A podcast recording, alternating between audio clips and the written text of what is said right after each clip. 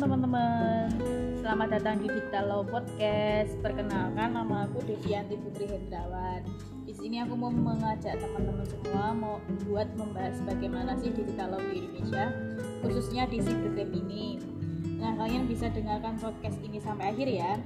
Di sini aku udah ada temen nih buat ngebahas digital law tersebut. Dia bernama Sofi Nur Azza dari Universitas Muhammadiyah Surakarta. Mbak Sofi aslinya dari mana? Dari Klaten Mbak. Dari Klaten. Uh, gimana Mbak kabarnya? Alhamdulillah baik. Mbak Devi bagaimana kabarnya? Alhamdulillah kabar baik. Kabar baik juga. Baik, untuk pagi hari ini kita akan ngobrolin tentang bahayanya cybercrime di Indonesia nih. Nah, menurut Mbak Sofi sendiri, pengertian cybercrime itu apa sih? Nah, cybercrime itu istilah yang mengacu kepada aktivitas kejahatan dengan komputer atau jaringan komputer menjadi alat, sasaran, atau tempat terjadinya kejahatan. Gitu ya, Mbak. Kalau iya, betul ya kalau contoh kejahatan cybercrime itu seperti apa contoh kejahatan cybercrime itu uh, seperti komputer terkena virus misalnya anda ditelepon orang yang mengaku dari Microsoft dan mengatakan komputer Anda terkena virus. Lalu dipandu untuk melakukan ini itu dan pada akhirnya diminta bayar jasa perbaikan. Percayalah, komputer Anda tidak apa-apa. Pelaku menelpon lewat Skype dan random call ke mana-mana. Oh, jadi contoh kejahatan cybercrime itu kayak komputer kena virus dan nanti ada seseorang yang telepon mengaku-ngaku kalau dia itu dari pihak Microsoft gitu ya? Iya betul mbak. Hmm, gitu. Selain itu, menurut Mbak Sofi ada nggak landasan hukum penegakan cybercrime di Indonesia? Jelas ada dong landasannya itu uh, kayak seperti pasal 28 UU ITE tahun 2008 yang menyebutkan setiap orang dengan sengaja dan tanpa hak mendistribusikan, mentransmisikan, membuat dapat diaksesnya informasi elektronik dan dokumen elektronik yang memiliki muatan yang melanggar kesusilaan. Nah, ancaman pidana pasal 45 ayat 1 KUHP pidana penjara paling lama 6 tahun dan denda paling banyak 1 miliar rupiah. Diatur pula dalam KUHP pasal 282 mengenai kejahatan terhadap kesusilaan. Hmm, gitu. Di pasal 28 UU ITE tadi tahun 2008 apakah itu sudah berjalan dan benar-benar berlaku ya di di mana di negara Indonesia ini? Uh, kalau menurut saya itu di Indonesia sudah berjalan ya yang hmm. pasal 28 UU ITE itu ya. ya kayak seperti orang melanggar peraturan UU ITE itu dan dan ada banyak yang mendapatkan sanksi seperti ancaman pidana ancaman pidana penjara paling lama enam tahun dan denda paling banyak satu miliar rupiah gitu Mbak Devi. Oh iya iya. Kemudian um, menurut Mbak Sofi ada nggak strategi pencegahan dari cybercrime? Ada strateginya itu kayak seperti lindungi gadget komputer atau perangkat lain yang digunakan. Jangan gunakan software bajakan. Pasang perangkat lunak keamanan yang up to date. Menggunakan data encryption, backup data secara rutin. Oh, berarti harus ini ya rutin ya buat backup data secara rutin. Iya betul. Lalu di cybercrime ini di cybercrime ini ada nggak jenis-jenisnya jenis-jenis cybercrime maksudnya ada mbak uh, seperti ada, apa itu Iya ada beberapa kayak seperti identity theft hmm. terus carding yeah. corporate data theft yeah. cyber extortion yeah. cyber espionage itu mbak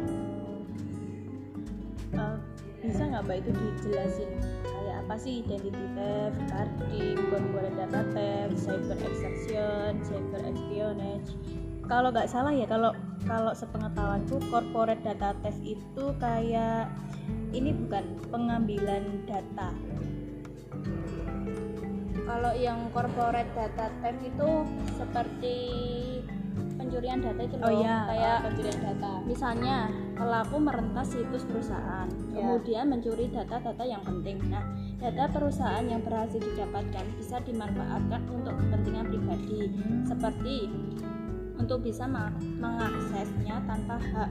Bisa juga data tersebut dijual di pasar gelap dengan harga tinggi, gitu Mbak. Hmm, gitu. Ya, Kalau yang lain seperti carding. Carding itu gimana ya? kalau yang carding itu eh, bentuknya seperti pembobolan kartu kredit mbak nah kayak pelaku kejahatan mencuri data informasi kartu kredit dan menggunakannya untuk kepentingan pribadi gitu mbak Gitu ya ya.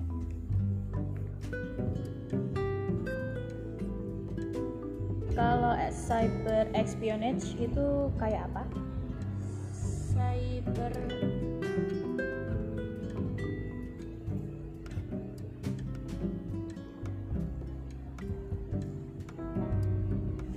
kan ada lima ya mbak ya jenis-jenisnya. Jenis-jenis cybercrime itu ada lima. Yang pertama kan tadi identity theft. Yang kedua carding. Yang ketiga corporate data theft. Yang ketiga cyber extortion. Yang kelima cyber espionage. Lah kalau es cyber ex extorti extortion itu seperti apa cyber extortion itu bentuknya kayak apa ya? Pemerasan gitu loh nah pemerasannya itu ki menimpa perusahaan atau pribadi gitu loh mbak. Modusnya pelaku akan meminta uang sebagai tebusan atas data penting yang telah dicurinya. Gitu. Gitu mbak. Gitu. Oh, oh. kalau apa ya tadi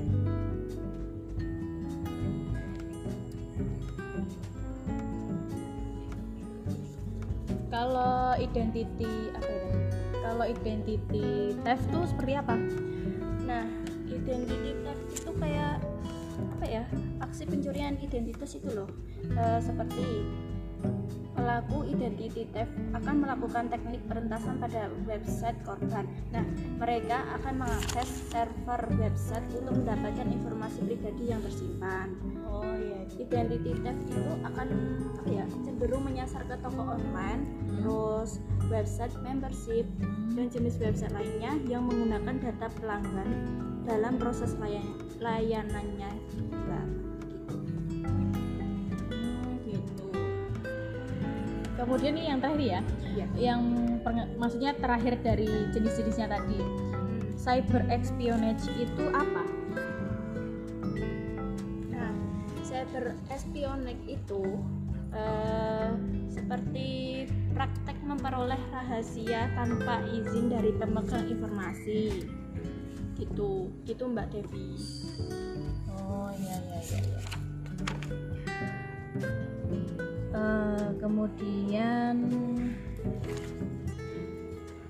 ini pertanyaan terakhir ya Mbak Sofi ya. Iya, iya Mbak. Menurut Mbak Sofi sendiri, kita nih sebagai mahasiswa, khususnya calon guru ya terutama ya, Iya. gimana caranya agar kasus cybercrime ini tidak merajalela di masa depan dan gimana caranya kita memberitahu atau menyampaikan sekilas bahayanya cybercrime pada peserta didik nantinya.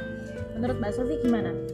Nah, cara menyampaikannya ya eh, dengan cara melakukan sosialisasi sedini mungkin kepada peserta didik. Ya. agar tidak mudah tertipu oleh kejahatan digital, tetapi ditekankan kembali kepada anak yang telah mengenal dunia maya, telah bermain media sosial dan mengenal dunia yang serba digital.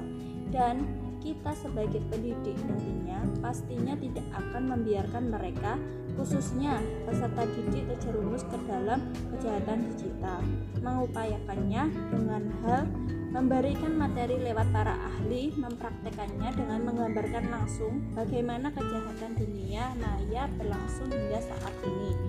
Contohnya saja, harus memilih media internet yang aman dan jangan mudah percaya dengan omongan yang belum pasti. Begitu Mbak Devi. Oh ya. Baik, jadi bisa ditarik kesimpulan bahwa cybercrime dalam digital law itu sangat berbahaya di semua kalangan ya Mbak ya. Iya Mbak. J- apalagi ini kan di masa-masa era modern ya yang semua serba online. Nah, berarti di kita itu harus berhati-hati apabila menyimpan data yang tidak yang tidak apa ya tidak bisa dijaga dengan baik gitu.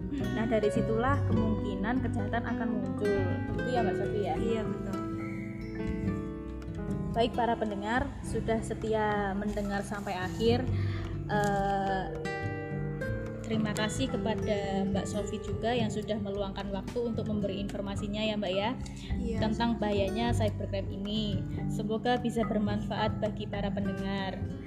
Saya sebagai host mengucapkan terima kasih dan pamit jika ada salah kata mohon maaf mohon maaf. Sampai jumpa di podcast selanjutnya. Oh ya, buat para pendengar jika ingin mempelajari lebih lanjut tentang apa yang kita bicarakan tadi di hari ini, bisa kunjungi situs web kami di Instagram maupun di YouTube yang bernama Bijak Bermedsos 1 dan nama YouTube bijak.bermedsos. Terima kasih. Sampai jumpa di podcast selanjutnya. Wassalamualaikum warahmatullahi wabarakatuh.